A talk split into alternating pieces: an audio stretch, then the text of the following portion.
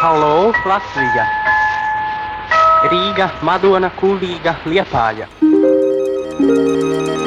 Ciklā radioarkīvu dārgumu iepriekšējā reizē runāja par Raimonda Paulu un Egilu Švarca 1956. gadā izveidoto radioestrādes sekstetu, taču tas organiski iekļāvās 1957. gadā tapušajā Rīgas estrādes orķestrī un arvien mazāk laika varēja atlicināt ierakstiem. Tālāk nāca muzikologs Igors Jakovļevs, izveidojot atkal jau ārštata mūziķu kolektīvu, kurš darbojās no 1958.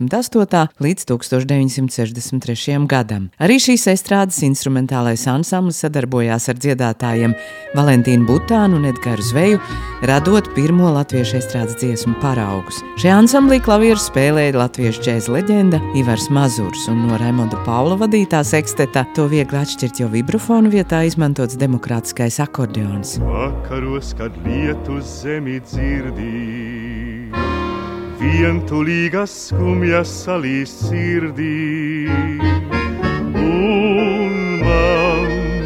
Gribētos, lai arī tu, draugs, dzirdi, kā pretrūtī, sīkas spīles skanot vārds. Jādziedoņa Edgars Zvejas balss nav sajaucama ne ar vienu citu. Kad izskatīgais dziedātājs no Liepājas muzikāla dramatiskā teātra pārcēlās uz Rīgas operetes teātri, tas darbojās Kiro parka būcenītī, un arī latviešu estrādes mūzika tolaik bija tikai bērnu autiņos. Par vienu no tās celmlaužiem kļuva tieši Edgars Zveja, kura balss no operetes teātras skatuves pārcēlās arī uz radioviļņiem, diendienā skanot ne tikai radio pārēdēs, bet arī skaņplatēs un magnetofonu ierakstos un kļūstot par neatņemamu muzikālās dzīves daļu. Dabiski brīvā izpildījuma maniera, samtainais tembrs, klausītājs burtiski apbūra, un Edgars Zvejas baritons radio skaņa arhīvā iemūžināts pārdesmit estrādes melodijās, kā arī operešu un muzikālo komēdiju ierakstos. Taču šoreiz no arhīva plaukta nocēla 1959. gadā tapuši interviju ar šo izcilo dziedātāju un aktieri. Valsts muzikālās komēdijas teātris aktieris Edgars Zveja Dzīvo Šmērļa rajonā, vienā no jaunajiem namiem, Tirzas ielā. Jāsaka, biedra zveja, ka jūs dzīvojat tiešām skaistā vietā. Gan drīz vai turpat aiz loga šalko mežs, spīguļo ezers. Jā, vieta tiešām ir ļoti skaista. No attiecībā uz ezeru patreiz skaistumu tā nu nevar izjust. Es jūs uzaicināt brauciet vasarā, ka var peldēties ļoti skaisti, sauļoties ezeru krastā. Sakiet, jūs laikam tikai nesen kā pārnācāt dzīvot šajā jaunajā namā. Nu, drīz jau būs gads. Laikam gan jābūt tādai jaukai sajūtai, kad pārceļas uz dzīvi jaunā namā. Nu, protams, sajūta ļoti jauka. Tikai mazliet, kas man neapmierina kvadratūru. Nu, ja es viens pats dzīvotu, tad nu, pietikt ar, bet kopā ar māti tas druskuļi par maz. Nevaru, teiksim, kā saka, brīvi strādāt un vakariem kaut ko ilgāk palasīt, vai kā, kā saka, mazliet traucē viens otru par cik nu dēls māte, ja māte dēlu var traucēt. Bet tā kā jauna dzīvojamo namu celtniecība pie mums, kā jūs to dien dienā redzat, pats savā apkārtnē tiešām rit ļoti strauji, tad nav šaubu, ka tuvākajos gados saņemsiet orderu uz vairāk istabu dzīvokli. nu, jācer. Varbūt jūs mums kaut ko nodziedātu. nu, labprāt, bet nu, kā es jums tā dziedāšu? Kā jūs redzat, man pat klavieres nav manā dzīvoklī.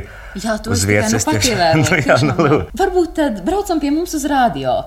Uz rādio? Vai jūs tur braucat? Nu, ja jūs esat ar mieru mūs pavadīt un nodziedāt mums kaut ko, tad mēs esam jūsu rīcībā. nu, brīnišķīgi. Starp citu, man tiešām darīšanas ir radio komitejā. Nu, pat mums ir kaut kas atkal jauns jāsagatavo uz jaunu gadu, no estrādes dziesmām. Nu, braucam tad, jā? Ja? Braucam! Oh. Iespējams, dažs radio klausītājs ar smaidu un pat ironiju atceras savulaik ētera viņos skandinātos Gunāra Ordelovska vadītās radio lauku kapelas ierakstus. Tās bija latviešu tautas dejas un dziesmas modernizētos aranžējumos, un pēc Ordelovska ieskata pildīja to pašu izklaides funkciju, kuru vēlāk pārņēma estrādes ansambļi. Radio lauku kapela dibināta 1959. gadā, kad latviešu tautas mūzika instrumentālā veidā radio praktiski neskanēja. Ordelovska nodoms bija atdzīvināt aizmirstās latviešu tautas melodijas, bet, kā saka, populārā un jebkuram saprotamā veidā. Skaņdarba aranžējums veidoja Ordelovskis pats, to pamatā bija autentiski folkloras materiāli, kuru vākšanā viņš pats bija piedalījies. Skanējums gan tika veidots bez kokliem, āžragiem un citiem tautas meistaru darinājumiem, toties izmantojot simfoniskā orķestra stīgu, metāla un koka pušamos instrumentus. Gunāra Ordelovska vadībā kapelā muzicēja toreizējie radiosimfoniskā orķestra dalībnieki. Skanēja trīs violas, čels, kontrabass, divas klarnets, flauta, trompeta un akordeons. Radio lauka kapela neiztika arī bez dziedātājiem. Visražīgāk ar to latviešu tautas dziesmu popularizēšanā sadarbojās opermākslas meistari Vera Davidone, Miķels Fišers un Pēteris Grāvelis, arī Jānis Zābers un citi. Jāsaka, Gunārs Ordelovskis savās instrumentācijās un apdarēs ielika daudz radošas izdomas, atrada asprātīgus harmoniskus un ritmiskus efektus, piemēram, populārās tautas dziesmas Tūdeliņa tagadiņa un Kur tu teci gailīti manu tika modernizētas ar neparastām harmonijām. Radio lauka kapelas devums bagātīgi saglabājies mūsu skaņa arhīvā. Tika izdots arī vairākas kapelas skaņu plates, un šo aranžējumu notis izplatījās pa Latviju, liekot pamatu lauka kapelu kustībai. Radio lauka kapela bija tieši studijas kolektīvs. Koncertos tā uzstājās ļoti reti, jo, kā jau teicu, nebija patstāvīgs veidojums, bet komplektēts no simfoniskā orķestra mūziķiem. Arī pats Gunārs Ordelovskis savulaik no 1945. līdz 91. gadam strādāja Latvijas radiosimfoniskajā orķestrī kā trombonists. 1972. gadā darbīgais mūziķis kļuva par pūtēju orķestra Rīga dibinātāju. Līdz ar to lauku kapelas dēradai laika atlika mazāk. Tomēr tās ieraksti tapa līdz pat 1985. gadam, tobrīd jau kopā ar solistiem Elgu Brahmani, Juri Rīkuri, Aleksandru Lukašūnu, bet no Amizanas skandarbs no kapelas dibināšanas 1959. gada. Tautas dziesmu kumeliņi, kumeliņi dzied Imants Krēsliņš, bet rīt iepazīsimies ar saksofonu 1963. gada pārraidē. Kumeliņi, kumeliņi, tu man kaunu padarīji, trārīdi, rallala, tu man kaunu padarīji, trārīdi, rallala, tu man kaunu padarīji. Tev kājiņa paslīdēja, man nokrita cepurīt, trārīdi, rallala, man nokrita cepurīt, trārīdi, rallala, man nokrita cepurīt. Man nokrita cepurīte lielā ļaužu pulciņā, trārīņi rallala, lielā ļaužu pulciņā, trārīņi rallala, lielā ļaužu pulciņā, lielā ļaužu pulciņā, jaunu meitu vitiņā, trārīņi rallala, jaunu meitu vitiņā, trārīņi rallala, jaunu meitu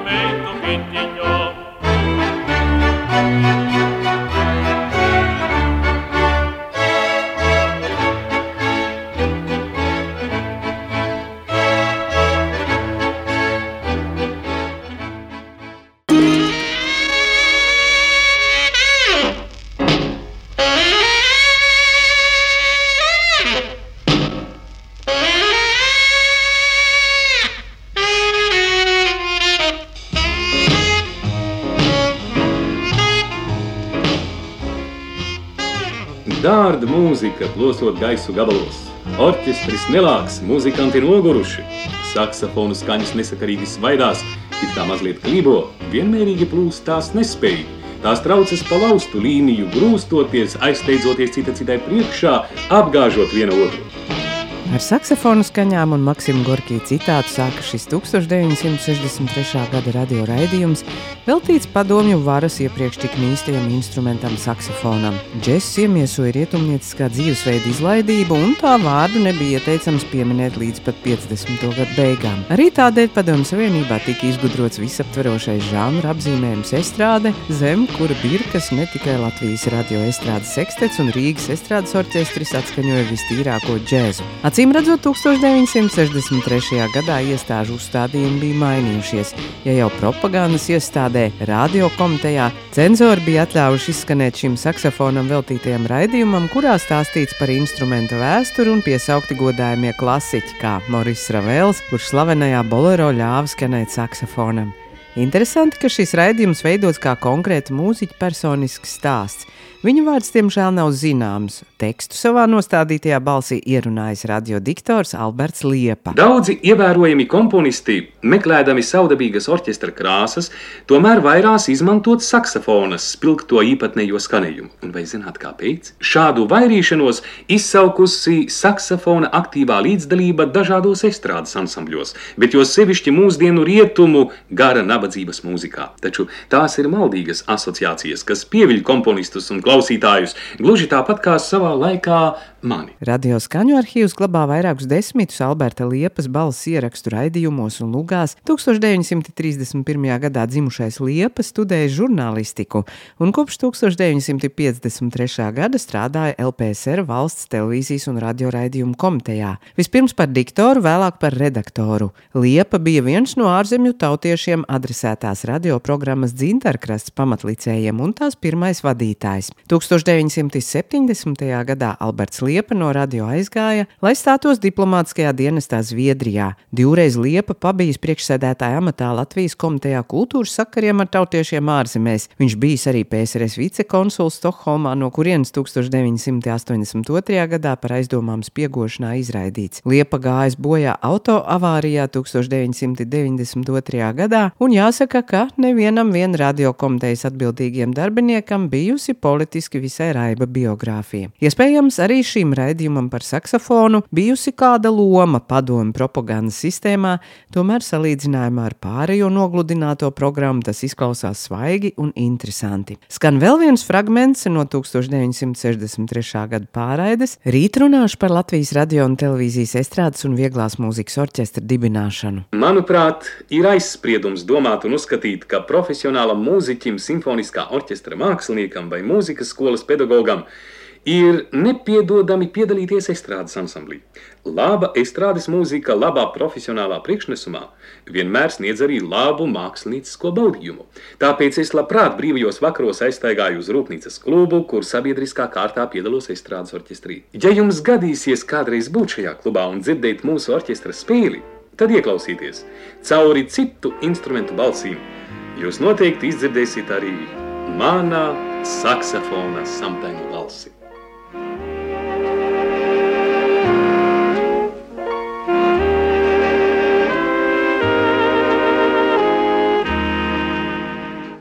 Vai zinājāt, ka no Rīgas skaņu plaša fabrikas ražojuma klāsta 1956. gadā tikai 5% bija atvēlēta latviešu mūzikai? Ar Visavienības skaņu ierakstu firmas Melodija Rīgas studiju radiofons bija noslēdzis līgumu par skaņu ierakstu apmaiņu. Sekojoši, radiokomitejas ierakstus Melodija drīkstēja izdot skaņu platēs. Savukārt radio savās programmās varēja izmantot melodijā tapušos ieskaņojumus. Tomēr izklaidējošās mūzikas ētera vajadzībām ar vien vēl bija par maz, sevišķi 60. gadu kontekstā, kad rietumu pasauli bija pārņēmusi beatlomānija. Padomju Savienības ideologiem nācās atspēkot šo roka mūzikas vilni. 1966. gadā, kad komponists un bijušais Rīgas estrādes orķestra mākslinieckais vadītājs un diriģents Ringolds Ore ķērās pie Latvijas radio un televīzijas estrādes un vieglās mūzikas orķestra izveidošanas, lielākajā daļā padomju republiku šādi radiokomiteju orķestri jau darbojās. Tomēr Orem nācies sešas vai septiņas reizes braukt uz Maskavu pie priekšniecības, lai rādītu ierakstus un pārliecinātu, ka nepieciešams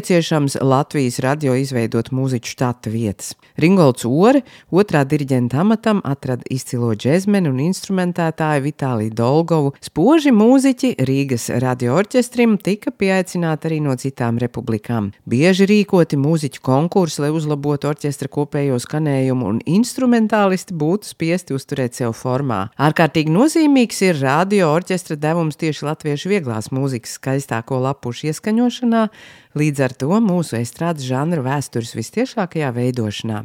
Radio un televīzijas estrādes un vieglās mūzikas orķestris darbojās līdz 1995. gadam. Tā ierakstu skaits mērāms tūkstošos, jo orķestris, tāpat kā visi citi padomi kolektīvi, bija pakļauts darba plānu pildīšanai. Skandarbs, ko tūdaļ dzirdēsiet, būs simbolisks, jo pie diriģenta pults būs Ringolds Ore, bet saksofonu solo atskaņos viņa pēctecis no 1968. gada Alnis Zaķis. Mārtiņš, izcils aranžētājs, komponists, teicams violnieks un, kā dzirdējāt, arī saksofonists. Un tā skan Raimonda Paula 1966. gada skaņdarbs Pausarīga noskaņa.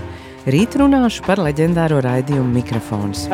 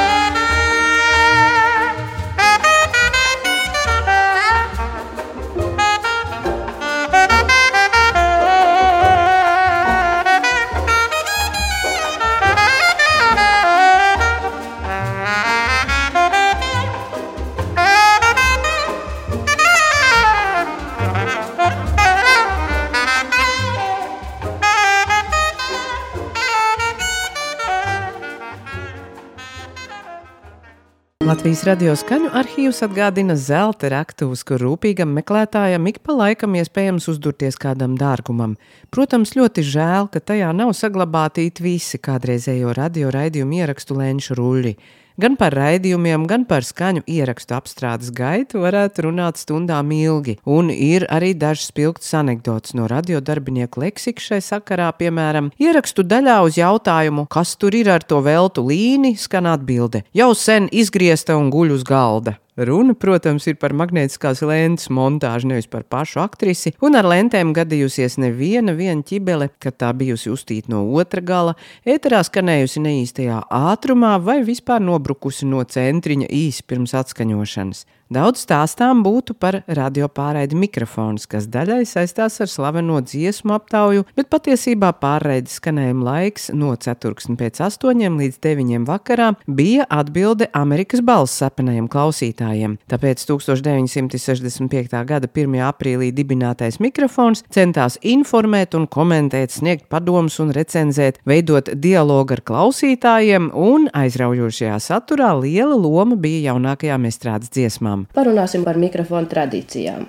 Tradicionālie vēstuļu raidījumi, tradicionālās tikšanās ar klausītājiem dažādās mūsu republikas vietās. Jā, piemēram, Jēlgavā, Valmierā, Rūjienā, Liepājā, Limbažos, Sikšņos. Un šodien Vēnspilī. Nu, un tad vēl tradicionālās radio Viktorīnas pavasaros. Un tradicionālās dziesmu aptaujas gada beigās. Jā, un pat labam, taču rīt radio Viktorīna Rostoka Rīga. Viktorīna, kuras uzvarētājs ar bezmaksas ceļa zīmi dosies turismu braucienā uz Vācijas Demokrātisko republiku. Radioarkīvā glabājas vien dažu mikrofonu pārēžu ieraksti, tikko skanēja fragments no raidījuma 13. jubilejas 1978. gada raidījuma, kurā piedalījās Gunārs Jākopsons, Ausma Indriksona, Lija Guļevska, Ruta Miska, Vizma Apolona un citi mikrofonu veidotāji. Par godu jubilejai tika zvanīts arī uz Zviedriju diplomātam un žurnālistam Nikolajam Neilandam, kurš savu savulaik bija Latvijas PSR valsts televīzijas un radio raidījumu komitejas ārzemju raidījumu galvenais redaktors, vēlāk radio raidījumu komitejas priekšsēdētāja vietnieks. PSRS preses aģentūras Novosti biroja vadītāja Stokholmā Nikolai Neilanda speciālziņojums no Zviedrijas.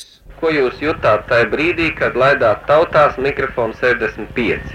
Nav ko slēpt, ka tajā brīdī es drustīti nervozēju. Jā, es biju, ne tikai es, bet es domāju arī visi kolēģi savā ziņā uztraukušies un norūpējušies, nu kā tad mums ies.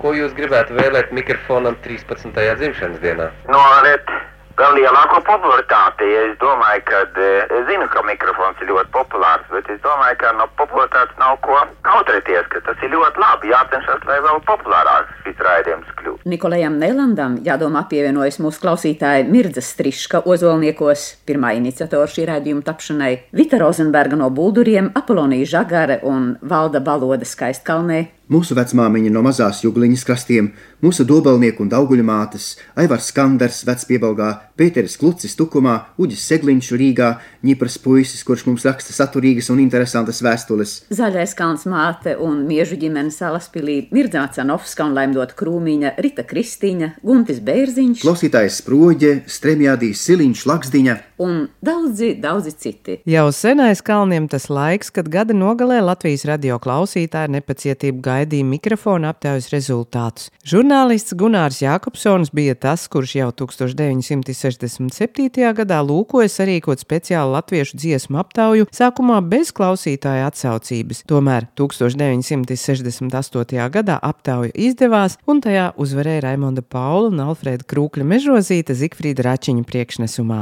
Mikrofona dziesmu aptauja ar dažiem pārtraukumiem notika līdz pat 1993. gadam. Savukārt mikrofona redakcijas darbinieki 1995. gadā jau kā sijā no radio aizgāja. Raidījuma mikrofons vietā stājās pārraide monopols, bet mežrozīta zied un zied. Viņa sārgdāmā zied uns die